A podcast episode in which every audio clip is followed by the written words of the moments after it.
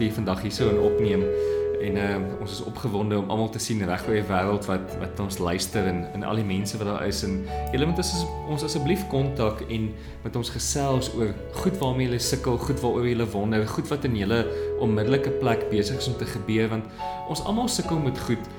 Soos ek meen met al die woorde wat die laaste tyd uitkom, jy weet, is dit is daar element van ons word so bietjie oor die vingers getik, ons word so bietjie jy weet tereggestel met met 'n klomp goed waarmee ons jy weet verkeerd is in ons denke.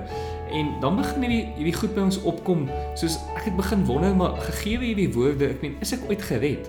Want dan kyk ek na my lewe en ek ek sukkel om Bybel te lees en ek sukkel om te bid en en ek sukkel met versoekings en ek sukkel met sondes en ek sukkel met al hierdie goed en is amper asof ek begin depressief word en ek trek terug uit die samelewing uit en ek wil nie met iemand hieroor gesels nie want almal lyk vir my so goed almal lyk of hulle dit maak en hulle is daar en ek is net nie daar nie en ek wonder maar jy weet dit dit voel vir my ek is besig om hel toe te gaan en ek en ek is net nowhere en en Jesus is nie naby my nie die Heilige Gees is nie naby my nie ek ek is net besig om 'n mislukking vir alles te maak Nou, wat maak ons nou met hierdie goed? Môre almal, dis heerlik om sommer net te sit en ons harte te deel en ook vir al hierdie uh probleme wat ons kry in ons eie lewe 'n bietjie eerlik daaroor te wees. Want een van die dinge wat die vyand 'n uh, meester mee is is dat ons as kinders van die Here het hierdie maskertjies wat ons voorhou van ons is geseënd. Dit gaan altyd goed met ons. Natuurlik is ons geseënd. Dit gaan goed met ons omdat Jesus ons Here is, maar in die fisiese gaan dit nie altyd goed nie want ons het emosies en ons moet een ding goed verstaan dat uh jou persepsie van waar jy vandag is is hoe wat gaan bepaal hoe jy voel of jy mislukking gaan voel en of jy 'n sukses gaan voel. Ek wil by jou aansluit uh Piet en ek wil 'n WhatsApp wat ek ver oggend ontvang het, wil ek gedeeltelik lees. Tannie na gister se Zoom het ek gevoel of ek heeltemal van die pad af is. Ek voel verlore, minderwaardig of ek nie 'n goeie pa is nie en of ek nie 'n goeie man vir my vrou is nie. Ek sukkel om Bybel te lees en ek sukkel om self te bid. Nou, wanneer ek hierdie tipe van uh vra uh kry in hierdie amper desperate uitroep, wat doen ek om te verander? Dan weet ek dat daar is goed wat ek en jy moet aanspreek en ek wil spesifiek jou vraag antwoord Piet en ek wil hierdie vraag van hierdie persoon wat hierdie WhatsApp gestuur het wil ek 'n bietjie probeer verduidelik van wat in die gees gebeur.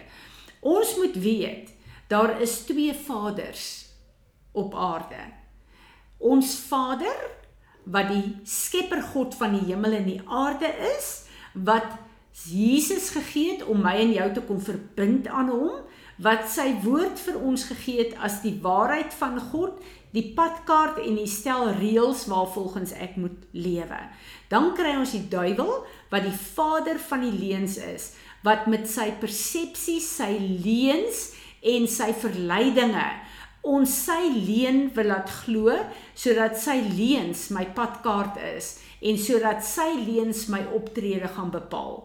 Nou wanneer ek en jy as 'n kind van die Here kom en ons kry hierdie gevoel soos hierdie persoon met die WhatsApp ook en ek voel ek is nie 'n goeie man vir my vrou nie, ek is nie 'n goeie pa vir my kinders nie. Ek uh, voel ek is nie goed genoeg 'n uh, 'n kind van God nie. Ek kan nie eens Bybel lees nie, ek kan nie eers uh, bid nie. Dan is dit die leuen van die vyand wat met jou praat. Dis 'n persepsie van wie jy is wat jy nie is nie. Nou die oomblik as jy daai ervaring en daai gevoelings skryf wat gewoonlik van die vyand afkom, het jy 'n keuse. Jy gaan daai leuen wat oor jou uitgespreek is deur die duiwel, daai versoeking. Ons het gehoor dat versoekings kom van die duiwel af as ons kyk na Jesus wat 40 dae versoek was in die woestyn. Daai versoeking wat in die vorm van die leuen kom, jy het 'n keuse daar. As jy glo dit is wie jy is, dan is dit of die vyand 'n muld om jou sit. En dan sit jy daar in daai struktuur wat hy jou kom gevangene neem. En vir 'n lang tyd gaan jy nie Bybel lees nie, jy gaan nie bid nie want jy glo jy kan nie. Jy gaan nie 'n goeie vrou wees vir Leandri want jy gaan glo jy is nie 'n goeie vrou of 'n goeie pa vir jou. So jy maak daai leen jou realiteit.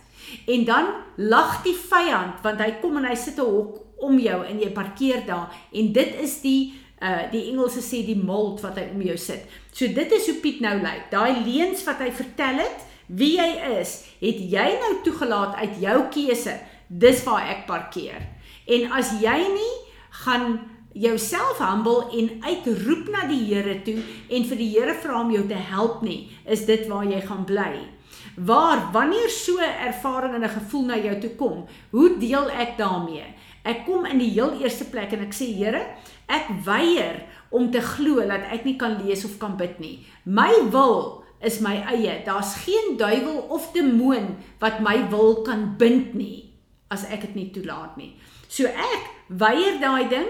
Ek gaan nou myself dissiplineer om in die woord in te gaan en ek gaan deur dit wat ek lees met u begin kommunikeer. So daai leen gaan ek konfronteer en ek gaan daai mold oor my breek dat ek nie kan lees en kan bid nie.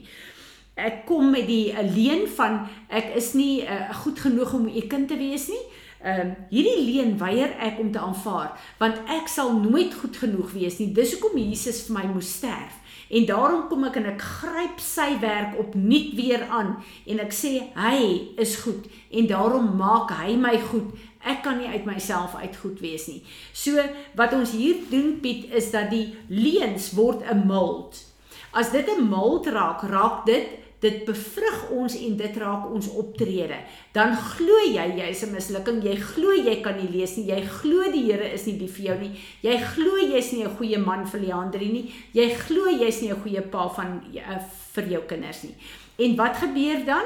Daai versoeking bevrug jou. Dis wat ons geleer het met die versoeking en van sonde en dan raak jou optrede 'n optrede van Jy het 'n hardheid van hart teenoor die woord van die Here en teenoor die Here, so jy lees en bid nie meer nie. Jou optrede, ag wat ek is in elk geval nie 'n goeie man vir Leander nie. So dan word jy nie 'n goeie man vir jou vrou nie. Jy word nie 'n goeie pa vir jou kinders nie. Want daai mold wat die vyand, daai tronk wat hy jou kom insit, daai leuen wat hy jou mee kom ontsingel, het jy jou eie gemaak. Jy het dit jou waarheid kom maak. En nou is die waarheid van God onderworpe aan die leuen van die vyand, want dit is wie jy word. Maak dit vir jou sin. Ja, dit maak vir my baie sin. Kan nie ons lei in in 'n gebed in in in hierdie area dat ons net bietjie ons vir jy weet ons gedagtes kan vernuwe hierso en dat ons net opnuut net kan sien waarmee ons besig is en dat ons 'n keuse het om na Vader toe te gaan en dan te hoef ons nie in hierdie gemors vas te kyk nie. Vader, dankie dat ons onsself kan kom neerlê en ons kan kom humble voor U. En Here, ek bid dat U asseblief op ons sal laat land, dat ons kan nie onsself verander nie. Dit is hoekom Jesus gesterf het vir ons. En ek wil ver oggend die kruisdood van Jesus opnuut kom vasgryp vir my lewe. En ek wil sê Here Jesus, dankie dat U op Golgotha die volle prys betaal het vir elke versoeking en elke sonde wat oor my pad kan kom. Ek wil kom en ek wil vir U dankie sê dat U my kom loskoop het uit die leuen van die vyand sy persepsies, sy strukture. U het my kom vrykoop op Golgotha daarvan. Maar ek wil vandag kom sê, ek weier elke leuen wat die vyand oor my lieg en oor my uh, my laat glo oor myself. Ek weier dit. En ek streef vandag uit en ek tree na die waarheid en die oorwinning van die kruis van Golgotha. En ek wil kom bid en sê Here, help U my om te onthou dat ek skoon gewas is, dat ek vrygemaak is van elke leuen. Help my om te onthou dat die waarheid van U leuen, elke uh, van U woord, elke leuen oor my kom breek het.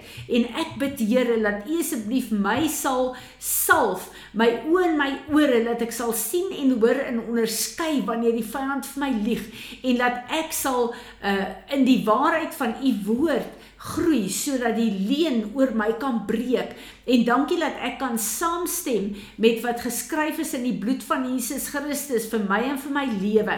En dankie dat u woord sê dat u gedagtes oor my is gedagtes van voorspoed en nie teëspoed nie.